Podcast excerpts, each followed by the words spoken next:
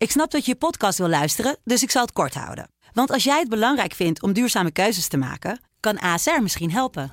Nou hoor ik je denken, hoe dan?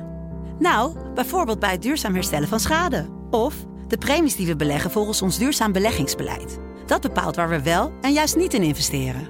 Wil je meer weten over welke duurzame keuzes ASR maakt? Ga dan naar asr.nl/slash duurzame keuzes. ASR doet het.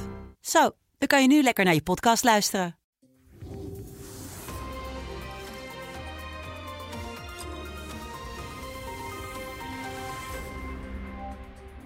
Welkom bij het gesprek met Paul Jansen, de hoofdredacteur van de Telegraaf, waarmee we wekelijks doornemen wat hem bezighoudt in het nieuws. Paul, welkom. Dankjewel. We gaan het hebben over het plan van de EU om de vergrijzing in Europa uh, aan te pakken en het tekort aan uh, arbeidskrachten. Dat is uh, visa verstrekken voor mensen uit ja, verschillende landen, waaronder Noord-Afrika, maar ook Nigeria werd genoemd. In ieder geval landen waar nog een surplus is aan jonge ja. mannen, om ja. het even zo te zeggen.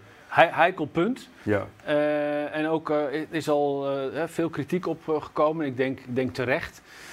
Um, het is ook ja, het is raadselachtig wat de EU hier denkt voor een rol precies te kunnen vervullen. Arbeidsmigratie valt onder beleid van lidstaten zelf primair. Ehm, maar ik denk dat Brussel wel goed ziet dat daar nu knelpunten zijn Ja. in heel veel Europese landen grote arbeidstekorten.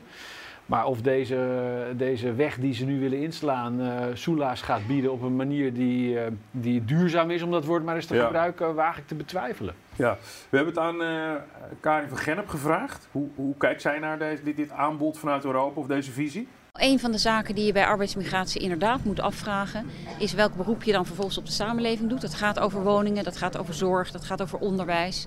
En het gaat ook over de aanwas van je bevolking dan over de jaren heen. He, want een paar duizend mensen dit jaar, een paar duizend mensen volgend jaar levert in 2050 een hele grote groep op. En dat moet je wel als samenleving kunnen opvangen. Is dat dan wel haalbaar als je nu al kijkt naar het woningtekort?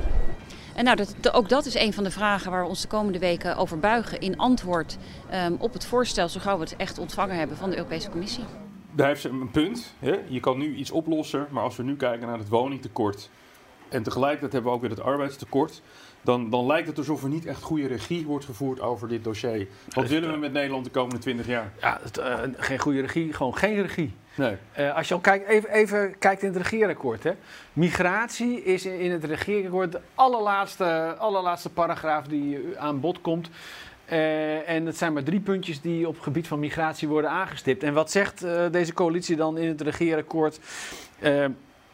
we willen inzicht krijgen in de verwachte uh, migratiestromen qua arbeidskennis en asielmigratie. Ja. Uh, en ze wachten dan op een advies wat gaat komen en ze overwegen om aan te sluiten bij wat in Duitsland wordt gebruikt, namelijk een beleidsmatig richtgetal. Ja. En, en, dat is een soort stip op de horizon, zoveel mensen en dan ga je daar beleid op maken. Nou, maar het gaat niet verder dan wij willen inzicht krijgen. Dat Ja. is nog helemaal geen concreet Nee. beleid. We hebben uh, een programma minister voor stikstof. We hebben een, een, minister die zich bezighoudt met klimaat. Maar als, al op, op migratie, heel cruciaal, omdat het heel veel dossiers raakt. Ja. Tekort aan woningen bijvoorbeeld. Als je mensen hierheen gaat halen, ga je dat probleem uh, verder vergroten. Wat doet het met ons onderwijs, met ons zorg? Uh, wat betekent het uh, uh, voor, voor, voor de werkgelegenheid? Gaat de arbe arbeids of verdringen op de arbeidsmarkt plaatsvinden op het moment dat de hoogconjunctuur die we nu hebben, Ja. misschien als de recessie eraan komt in, in het kielzog van, van wat we nu zien door de oorlog in Oekraïne en de inflatie. Wat, wat betekent dat dan? Heb je dan die mensen nog wel nodig? Nou, Ja. heel veel vragen die schreeuwen om veel meer doordacht samenhangend beleid. En ik zou zeggen, ja, als je ergens een minister uh, nodig zou hebben, was het wel op dit dossier hebben ze niet. Nee. Het tweede aardige punt uh, uh, wat, wat zij aanstipt. Uh, is, heeft natuurlijk ook te maken met die, hè, een miljoen mensen staan hier aan de kant.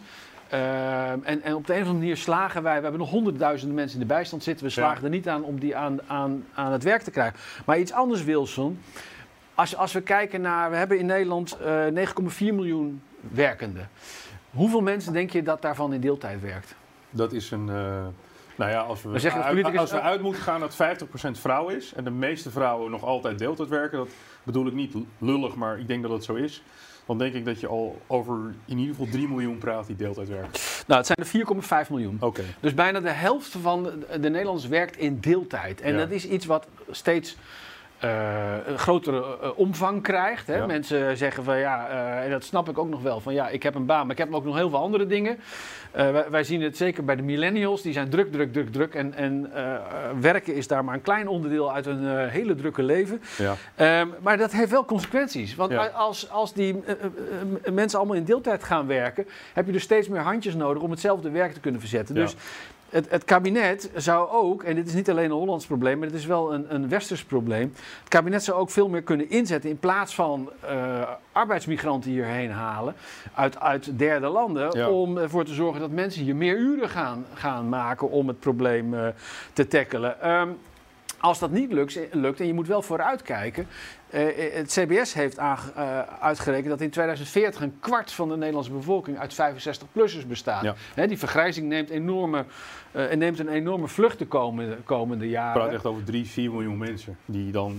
En dat heeft, dat heeft, nogal, heeft dat nogal consequenties. Ook weer Ja. bijvoorbeeld, denk aan, denk aan de zorg. en Denk aan allerlei voorzieningen die draaiende moeten worden gehouden. Dus, dus daar moet je allemaal beleid op maken. Maar het, het zit hier de- verdeeld over portefeuilles. Ja. Is de, ik, mis, ik mis urgentie in, in de aanpak. Ja, en dan komt nu Brussel, die, die daar denkt in te duiken. eh, in dat gat eigenlijk wat er ligt. Ja. dat is een recept voor ongeluk. Dus er moet veel meer focus en veel meer eh, urgentie komen op dit dossier, ook in de Haagse politiek. Met de opkomst van Fortuyn heeft migratie eigenlijk heel veel traditionele partijen gespleten. Dat hebben we echt heel duidelijk kunnen zien. Het is ook een ontzettend vervelend dossier. Hmm. Eh, zit daar ook misschien iets van een oorsprong in dat Nou ja. niemand daar heel erg duidelijk een standpunt over in durft te nemen? Om, je moet wel eh, dingen uit elkaar halen. Ja. Kijk, de focus ligt, ook in de media en zeker ook bij de Telegraaf, ligt op de asielmigratie. Ja. Asielmigratie is slechts een onderdeel van de totale migratie. Kennismigranten zitten we allemaal op te wachten. Arbeidsmigranten, hè, dat is dus vaak voor, voor, voor, de, voor de minder hoog opgeleide. Die, die de koffers doen op Schiphol, bij wijze van spreken. Nou, of in, in, eh, in de kassen werken. Ja. Heel veel mensen uit, eh, uit Oost-Europa bijvoorbeeld. Eh, die handjes eh, zi- eh, zijn ook eh, hard nodig. Dus de economie is daar wel van afhankelijk. Het probleem met asielmigratie, wat, een, wat wel een substantiële groep is. Is eh, dat, dat uit cijfers blijkt dat ook na vele jaren eh, een, een groot deel van die mensen maar in de bijstand blijft Ja. Zitten en niet, op de een of andere manier niet aan de bak komt. Dus je, dus, en en het, het- dat is niet alleen het probleem. Het tweede component daarvan is dat eh, eh, migratie, zeker asielmigratie, wordt een beetje als een natuurfenomeen gezien. Dus oh, we, hebben, kunnen er helemaal, we hebben er geen enkele invloed op. En daarom is dat Duitse richtgetal ook wel interessant. Want dan, dat, dat geeft een beetje, en dan moet je nog wel afspreken wat wordt dan dat richtgetal. Ja, maar dat geeft een beetje ehm, toch sturing aan van we willen met z'n allen die kant op en, en ongeveer daarop uitkomen. En ik, ik verbaas me er al jaren over dat wij eh, in Nederland voor een ieder die zich hier meldt en zegt ik wil asiel aanvragen, die kan maar in procedure gaan. Ik, eh, als Europa iets zou moeten doen, Ja. Is het aan de, aan, de, aan de buitengrens van Europa daar de aanmeldcentra moeten vormen. En dan gaan kijken wie laten we waartoe. eh, ook kijkende waar, waar de behoefte aan is. Maar natuurlijk met name ook wie is een echte vluchteling. En wie is misschien een eh, economische vluchteling. Of, of eigenlijk een, iemand die, die gewoon zijn leven wil beteren. Wat we, wat we begrijpen, maar waar, waarvoor geen plaats is. Maar het, het, het wordt allemaal te veel op zijn beloop gelaten. En daarom zijn dit, dit soort oproepen, en we hebben ze ook uit de werkgevershoek gehoord, zijn, zijn opportunistisch in een, in een tijd van hoogconjunctuur. En creëren eigenlijk op termijn een nieuwe golf problemen. Zoals we dat in de jaren 60 en 70 hebben gezien. Waar natuurlijk uiteindelijk Fortuyn terecht een punt van heeft gemaakt. Omdat die multiculturele samenleving, waar jarenlang zo heilig over werd gedaan, toen op knappen stond. Dus ik denk, we zitten nu eigenlijk in een situatie die heel veel herinneringen oproept aan hoe het in de jaren eh, 60 was. Laten we nou niet dezelfde fouten maken als toen, maar de lessen leren van de voorbije decennia en nu de juiste keuzes maken. Dankjewel. Graag gedaan.